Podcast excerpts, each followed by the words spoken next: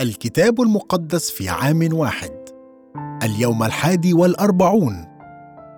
كلمات تغير الحياة. أراد أبي أن يذهب إلى روسيا قبل أن يموت وذهبنا إلى هناك في إحدى العطلات كأسرة. في ذلك الوقت كانت الكتب المقدسة غير مسموح بها قانونيا وبشكل صارم هناك. أخذت معي بعض الكتب المقدسة باللغة الروسية. وبينما كنت هناك ذهبت إلى الكنائس وبحثت عن أشخاص يبدون أنهم مسيحيين حقيقيين. غالبا ما كانت المخابرات الروسية كي جي بي تتسلل إلى اجتماعات الكنيسة. وفي مناسبة معينة تبعت رجلا في الشارع بعد إحدى الخدمات وذهبت إليه وربت على كتفه لم يكن هناك أي شخص حولنا. فأخرجت واحدا من الكتب المقدسة التي معي وناولته إياه. وللحظة كان على وجهه تعبير ينم عن عدم التصديق التام ثم أخذ في جيب سترته كتاب العهد الجديد والذي كان عمره تقريبا مائة عام. كانت صفحاته بالية جدا وكانت في الواقع شفافة. وعندما أدرك أنه قد أخذ للتو كتابا مقدسا كاملا كان مبتهجا. لم يكن يتكلم الإنجليزية وأنا لم أكن أتكلم الروسية. ولكننا احتضنا بعضنا البعض وبدأ يجري في الشارع قافزا مجيئا وذهابا من الفرح. بالنسبة له مثل داود في مزمور اليوم كانت كلمات الله أشهى من الذهب والإبريز الكثير وأحلى من العسل وقطر الشهاد. لماذا تعد كلمات الله ثمينة هكذا؟ قال يسوع مكتوب ليس بالخبز وحده يحيا الإنسان بل بكل كلمة تخرج من فم الله. أتت كلمة الكلمة في الزمن المضارع وتعني أنها باستمرار تخرج من فم الله. إنها مثل نبع دافق مستمر في الجريان ومثل نهر يخرج من النبع فهي ليست ساكنة ابدا بل دائمة في حالة الحركة. الله في حالة اتصال مستمر مع شعبه وهو يفعل هذا في الأساس من خلال كلمات الكتاب المقدس التي تغير الحياة. المزمور التاسع عشر من عدد سبعة إلى عدد أربعة عشر. ناموس الرب كامل يرد النفس. شهادات الرب صادقة تصير الجاهل حكيما. وصايا الرب مستقيمة تفرح القلب. أمر الرب طاهر ينير العينين. خوف الرب نقي ثابت إلى الأبد. أحكام الرب حق عادلة كلها. أشهى من الذهب والإبريز الكثير وأحلى من العسل وقطر الشهاد. أيضا عبدك يحذر بها. وفي حفظها ثواب عظيم. السهوات من يشعر بها. من الخطايا المستترة أبرئني. أيضا من المتكبرين احفظ عبدك فلا يتسلط علي. حينئذ أكون كاملا وأتبرأ من ذنب عظيم. لتكن أقوال فمي وفكر قلبي مرضية أمامك يا رب. صخرتي وولي. دع كلمات الله تغيرك. نحتاج كلنا إلى قوة كلمة الله المغيرة من وجوه كثيرة جدا. سواء كنت تطلب الحكمة في المواقف الضاغطة والمعقدة أو طلبا للتشجيع عندما تكون محبطا أو طلبا للإرشاد في مسيرك في الطريق. يمكنك أن تجد العون في صفحات الكتاب المقدس. لم يكن لدى داود كل ما لديك من الكتاب المقدس. لكنه كان عنده ناموس الرب وشهادات الرب ووصايا الرب وأحكام الرب. وهو يصف هذه الكلمات بأنها كاملة ونقية وثمينة. نرى في هذا المزمور بعض من تأثيرات قراءة الكتاب المقدس المغيرة للحياة فكلمته ترد النفس تصير الجاهل حكيما. تفرح القلب تنير العينين تحذرك من الخطر وتجلب لك الثواب العظيم. قراءة الكتاب المقدس والصلاة مرتبطين بصله وثيقة جدا. لا تقرأ الكتاب المقدس لتحصل منه على معلومات وانتهى الأمر بل لتسمع الله يتكلم إليك. الاستجابة الطبيعية لهذا هي الصلاة. إنها عملية ذات اتجاهين. وهذا ما يجعلنا نحاول أن ننهي كل مقطع في تفسيرنا هذا الكتاب المقدس في عام واحد بالصلاة. مستجيبين لما بينه الله لنا من خلال كلمته. يمضي داود مباشرة في تمجيد فضائل كلمه الله محولا إياها إلى صلاة رائعة. وصلاة داود هي صلاتي. يا رب اغفر أخطائي الخفية. احفظ عبدك أيضا من الخطايا العمد حتى لا تتسلط علي لتكن كلمات فمي وفكر قلبي مرضية أمامك يا رب صخرتي ووليي. متى الأصحاح السادس والعشرون من عدد سبعة وأربعون إلى عدد ثمانية وستون؟ وفيما هو يتكلم. إذا يهوذا أحد الاثني عشر قد جاء ومعه جمع كثير بسيوف وعصي من عند رؤساء الكهنة وشيوخ الشعب. والذي أسلمه أعطاهم علامة قائلا الذي أقبله هو هو. أمسكوه. فللوقت تقدم إلى يسوع وقال السلام يا سيدي. وقبله. فقال له يسوع يا صاحب لماذا جئت؟ حينئذ تقدموا وألقوا الآيادي على يسوع وأمسكوه. وإذا واحد من الذين مع يسوع مد يده واستل سيفه وضرب عبد رئيس الكهنة فقطع أذنه. فقال له يسوع رد سيفك إلى مكانه لأن كل الذين يأخذون السيف بالسيف يهلكونه أتظن أني لا أستطيع الآن أن أطلب إلى أبي فيقدم لي أكثر من اثني عشر جيشا من الملائكة. فكيف تكمل الكتب؟ أنه هكذا ينبغي أن يكون. في تلك الساعة قال يسوع للجموع كأنه على لص خرجتم بسيوف وعصي لتأخذوني. كل يوم كنت أجلس معكم أعلم في الهيكل ولم تمسكوني. وأما هذا كله فقد كان لكي تكمل كتب الأنبياء. حينئذ تركه التلاميذ كلهم وهربوا. والذين أمسكوا يسوع مضوا به إلى قيافة رئيس الكهنة حيث اجتمع الكتبة والشيوخ. وأما بطرس فتبعه من بعيد إلى دار رئيس الكهنة فدخل إلى داخل وجلس بين الخدام لينظر النهاية. وكان رؤساء الكهنة والشيوخ والمجمع كله يطلبون شهادة زور على يسوع لكي يقتلوه فلم يجدوا. ومع أنه جاء شهود زور كثيرون لم يجدوا. ولكن أخيرا تقدم شاهد زور وقال هذا قال إني أقدر أن أنقض هيكل الله وفي ثلاثة أيام أبنيه. فقام رئيس الكهنة وقال له أما تجيب بشيء؟ ماذا يشهد به هذان عليك؟ وأما يسوع فكان ساكتا. فأجاب رئيس الكهنة وقال له أستحلفك بالله الحي أن تقول لنا هل أنت المسيح ابن الله؟ قال له يسوع أنت قلت وأيضا أقول لكم من الآن تبصرون ابن الإنسان جالسا عن يمين القوة. وآتيا على سحاب السماء. فمزق رئيس الكهنة حينئذ ثيابه قائلا قد جدف. ما حاجتنا بعد إلى شهود؟ ها قد سمعتم تجديفه. ماذا ترون؟ فأجابوا وقالوا إنه مستوجب الموت. حينئذ بصقوا في وجهه ولكموه وآخرون لطموه قائلين تنبأ لنا أيها المسيح من ضربك؟ كن منقادا بكلمات الله. من الواضح أن يسوع قد درس الكتاب المقدس بحرص شديد وقد تشكلت حياته كلها بما قرأ. ومن خلال قراءته للكتاب المقدس فهم ما كان يحدث له عندما قبض عليه.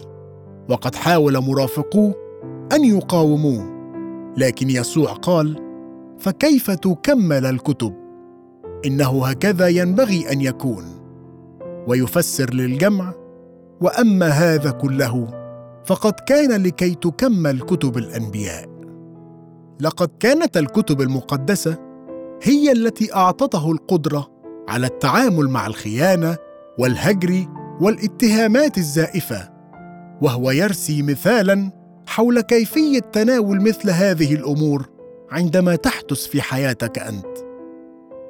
الخيانة بدا يهوذا أنه يعبر عن محبته ليسوع بقبلة بينما كان في الواقع يخونه والذي أسلمه فللوقت تقدم إلى يسوع وقال السلام يا سيدي وقبله. لقد كان تصرفا وضيعا تماما. الهجر. لقد تركه التلاميذ كلهم وهربوا. في لحظات الانتصار عندما تتم خطبة بعض الناس أو عند ولادة طفل أو عندما يجيبون جيدا في الامتحانات يكون من الطبيعي أن نتواصل وأن نلتف حول الناس. ولكن الولاء يعني أيضا مساندة الناس عندما يكونون محبطين أيضا. من الأصعب بكثير أن تعرف ماذا تقول حينها وتكون التجربة آنذاك هي أن تبقى بعيدا وتهجرهم أيضا. قيل له عندما تكون مرفوعا في الحياة يرغب أصدقاؤك في أن يعرفوا من تكون. وعندما تكون محبطا في الحياة تبدأ تعرف من هم أصدقاؤك. اتهامات زائفة. هل سبق وواجهت اتهامات زائفة؟ إنها خبره سيئة. واجه يسوع الظلم الرهيب. الناجم عن شهود زور يشهدون ضده كيما يتمكنوا من قتله. وقد مارس يسوع ضبطا شديدا للنفس لقاء هذا فهو صمت ولم يجب بكلمة وقبل أيضا أن يتعرض للهجوم البدني واختار الا يربح المجادلة بل بالحري أن يكسب الحرب. هناك شيء على مضيفي المجموعات الصغيرة في برنامج ألفا أن يتذكروه. فقد فهم يسوع من الكتب المقدسة أن كل هذا كان من أجل غرض وسيؤدي في النهاية إلى انتصار عظيم. أتى فهم يسوع لهويته ولمأموريته بوضوح من قراءته لكلمة الله عند محاكمته أمام السنهدرين. حيث يبدو يسوع ضحية لا حول لها ولا قوة. كان يظهر بصورة أوضح تدريجيا بأنه باني الهيكل الجديد المسيا وابن الإنسان الذي سيجلس على العرش عن يمين الله. في الحقيقة كانت الضحية التي بلا حول ولا قوة هي الشخص صاحب كل السلطان والقدرة. الإشارة إلى كونه ابن الإنسان هي اقتباس من سفر دانيال فهم يسوع هذا على أنه وعد مسياني عنه مشيرا إلى ألمه العتيد وتبرئته المنتظرة وسلطانه الإلهي. المثير للسخرية هو أن القضاة هم من كانوا بالحقيقة في موضع المحاكمة ومثلهم علينا كلنا أن نقرر. ماذا نعتقد بخصوص يسوع؟ ساعدني يا رب لأتبع مثال يسوع في دراسة الكتاب المقدس وساعدني لكي أطبقه في كل حياتي. الخروج الأصحاح السادس من عدد ثلاثة عشر إلى عدد ثلاثون.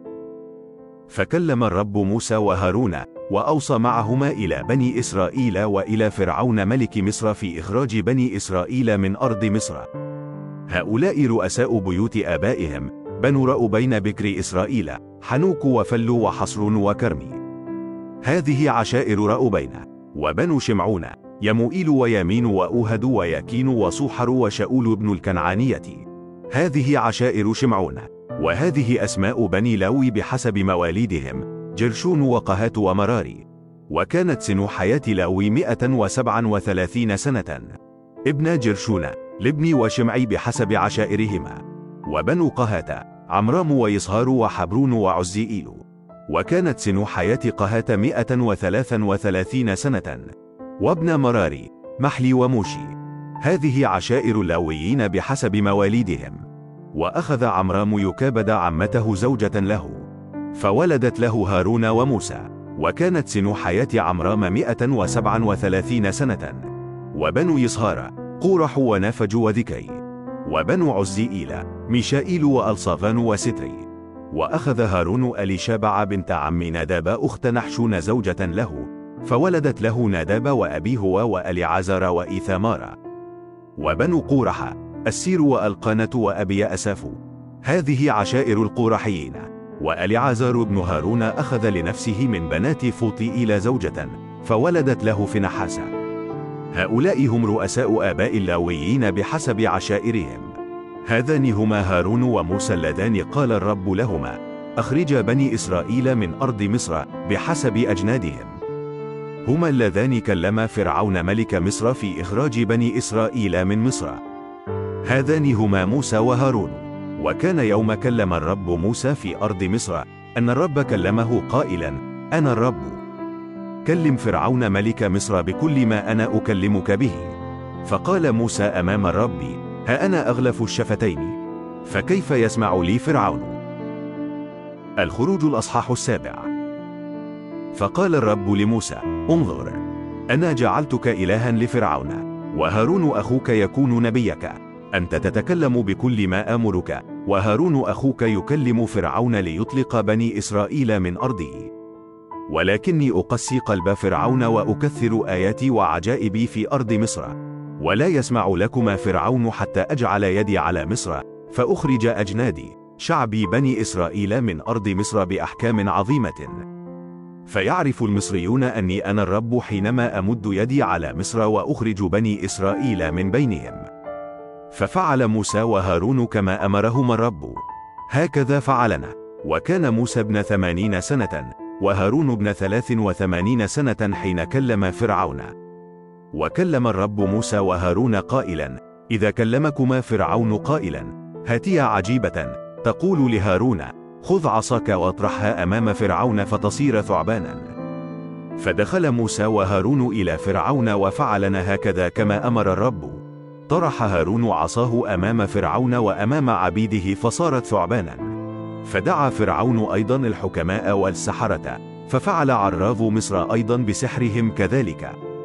طرحوا كل واحد عصاه فصارت العصي ثعابين ولكن عصا هارون أبتلعت عصيهم. فاشتد قلب فرعون فلم يسمع لهما كما تكلم الرب. ثم قال الرب لموسى قلب فرعون غليظ. قد أبى أن يطلق الشعب. اذهب إلى فرعون في الصباح. إنه يخرج إلى الماء. وقف للقائه على حافة النهر. والعصا التي تحولت حية تأخذها في يدك. وتقول له الرب إله العبرانيين أرسلني إليك قائلا أطلق شعبي ليعبدوني في البرية. وهو ذا حتى الآن لم تسمع. هكذا يقول الرب بهذا تعرف أني أنا الرب؟ ها أنا أضرب بالعصا التي في يدي على الماء الذي في النهر فيتحول دما. ويموت السمك الذي في النهر وينتن النهر. فيعاف المصريون أن يشربوا ماء من النهر. ثم قال الرب لموسى قل لهارون خذ عصاك ومد يدك على مياه المصريين على أنهارهم وعلى سواقيهم وعلى آجامهم وعلى كل مجتمعات مياههم لتصير دما. فيكون دم في كل أرض مصر في الأخشاب وفي الأحجار. ففعل هكذا موسى وهارون كما أمر الرب.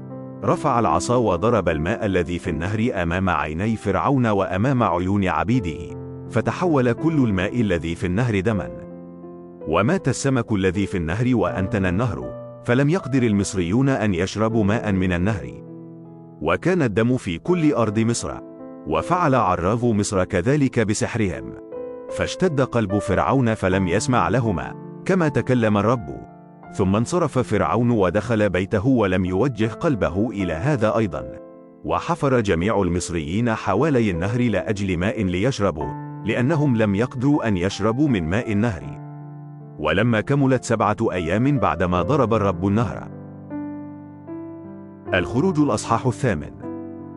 قال الرب لموسى ادخل إلى فرعون وقل له هكذا يقول الرب أطلق شعبي ليعبدوني. وإن كنت تأبى أن تطلقهم فها أنا أضرب جميع تخومك بالضفادع. فيفيض النهر ضفادع. فتصعد وتدخل إلى بيتك وإلى مخدع فراشك وعلى سريرك وإلى بيوت عبيدك وعلى شعبك وإلى تنانيرك وإلى معاجنك. عليك وعلى شعبك وعبيدك تصعد الضفادع. فقال الرب لموسى قل لهارون مد يدك بعصاك على الأنهار والسواقي والآجام وأصعد الضفادع على أرض مصر. فمد هارون يده على مياه مصر فصعدت الضفادع وغطت أرض مصر. وفعل كذلك العرافون بسحرهم وأصعدوا الضفادع على أرض مصر.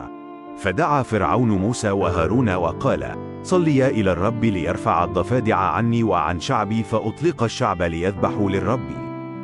فقال موسى لفرعون عين لي متى أصلي لأجلك ولأجل عبيدك وشعبك لقطع الضفادع عنك وعن بيوتك؟ ولكنها تبقى في النهر. فقال غدا. فقال كقولك لكي تعرف أن ليس مثل الرب إلهنا. فترتفع الضفادع عنك وعن بيوتك وعبيدك وشعبك ولكنها تبقى في النهر. ثم خرج موسى وهارون من لدن فرعون وصرخ موسى إلى الرب من أجل الضفادع التي جعلها على فرعون ففعل الرب كقول موسى. فماتت الضفادع من البيوت والدور والحقول. وجمعوها كواما كثيرة حتى أنتنت الأرض. فلما رأى فرعون أنه قد حصل الفرج أغلظ قلبه ولم يسمع لهما كما تكلم الرب.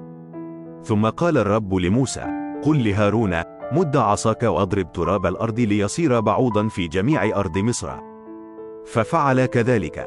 مد هارون يده بعصاه وضرب تراب الأرض فصار البعوض على الناس وعلى البهائم. كل تراب الأرض صار بعوضا في جميع أرض مصر. وفعل كذلك العرافون بسحرهم ليخرجوا البعوض فلم يستطيعوا. وكان البعوض على الناس وعلى البهائم. فقال العرافون لفرعون هذا إصبع الله. ولكن اشتد قلب فرعون فلم يسمع لهما كما تكلم الرب. ثم قال الرب لموسى بكر في الصباح وقف أمام فرعون. إنه يخرج إلى الماء.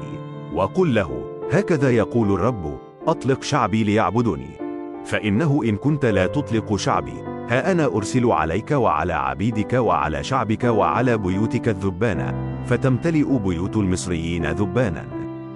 وأيضا الأرض التي هم عليها. ولكن أميز في ذلك اليوم أرض جاسان حيث شعبي مقيم حتى لا يكون هناك ذبان. لكي تعلم أني أنا الرب في الأرض. وأجعل فرقا بين شعبي وشعبك. غدا تكون هذه الآية. ففعل الرب هكذا. فدخلت ذبان كثيرة إلى بيت فرعون وبيوت عبيده. وفي كل أرض مصر خربت الأرض من الذبان. فدعا فرعون موسى وهارون وقال اذهبوا إذبحوا لإلهكم في هذه الأرض. فقال موسى لا يصلح أن نفعل هكذا لأننا إنما نذبح رجس المصريين للرب إلهنا. إن ذبحنا رجس المصريين أمام عيونهم أفلا يرجموننا. نذهب سفر ثلاثة أيام في البرية ونذبح للرب إلهنا كما يقول لنا. فقال فرعون أنا أطلقكم لتذبحوا للرب إلهكم في البرية ولكن لا تذهبوا بعيدا. صليا لأجلي. فقال موسى ها أنا أخرج من لدنك وأصلي إلى الرب فترتفع الذبان عن فرعون وعبيده وشعبه غدا. ولكن لا يعد فرعون يخاتل حتى لا يطلق الشعب ليذبح للرب. فخرج موسى من لدن فرعون وصلى إلى الرب. ففعل الرب كقول موسى فارتفع الذبان عن فرعون وعبيده وشعبه. لم تبقى واحدة. ولكن أغلظ فرعون قلبه هذه المرة أيضا فلم يطلق الشعب. قطع كلمات الله. أصغى موسى وهارون لكلمات الله. وفعل بالضبط ما أوصاهما الله بفعله. لقد أطاع كلمة الله من ناحية أخرى وفي تباين تام. رفض فرعون أن يطيع باستمرار. لقد عصى كلمة الله بعناد. عند هذه المرحلة في التاريخ ربما لم يكن لدى موسى أي كلمات مكتوبة من الله. لكن الرب تكلم مع موسى وقد سمع كلمة الله مرات ومرات. وفعل ما أمر به الله. كان قلب كلمات الله أطلق شعبي ليعبدوني. لا ينبغي أن نفاجأ من أن السحرة كانوا قادرين على القيام ببعض المعجزات مثل موسى. ففعل عراف مصر أيضا بسحرهم كذلك. الشيطان عبارة عن مقلد وهو قادر على القيام بآيات مدمرة. وحتى بعض مما قد يبدو بناء هدفه دائما أن يخدع.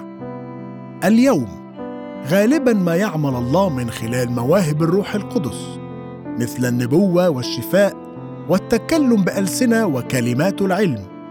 حقيقة أن الشيطان ربما يحاول أن يحاكي بعض هذه المواهب من خلال التخاطر الشفاء الروحاني أو حتى التكلم بألسنة لا يعني أننا ينبغي أن نتجنب هذه الأمور بل بالحري ينبغي أن نكون مميزين بشأنها.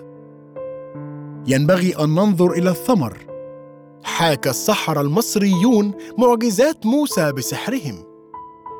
فاشتد قلب فرعون. لم يكن تأثير هؤلاء السحره محايدا. لقد كانوا اشرارا. وكان تأثيره مشددا لقلب فرعون ضد الله. من الواضح في هذه الفقرة أن فرعون قسى قلبه ضد الله وأغلظ قلبه ولم يسمع لهما. في نفس الوقت حصد ما كان قد زرعه. لقد قسى الله قلبه وكلا الأمرين مكمل للآخر.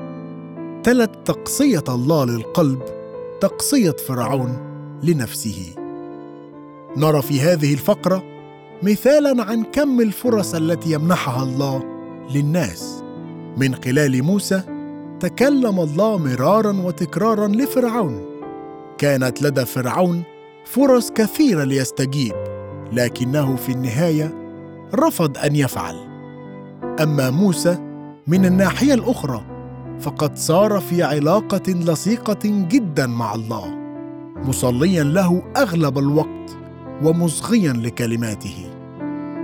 أعطني يا رب قلبا لينا منفتحا على الإصغاء لكلماتك ومطيعا لها. أشكرك لأنه في طاعتها ثواب عظيم. ساعدني اليوم لا لأنصت فقط لكلماتك التي تغير الحياة بل وكذلك لأضعها موضع تنفيذ. من المشجع جدا معرفة أن يسوع كان لديه أكثر من اثني عشر جيشا من الملائكة تحت تصرفه. حتى لو لم يدعوهم في هذا الوقت فأنا عندي الرجاء أنهم يساعدون الآن.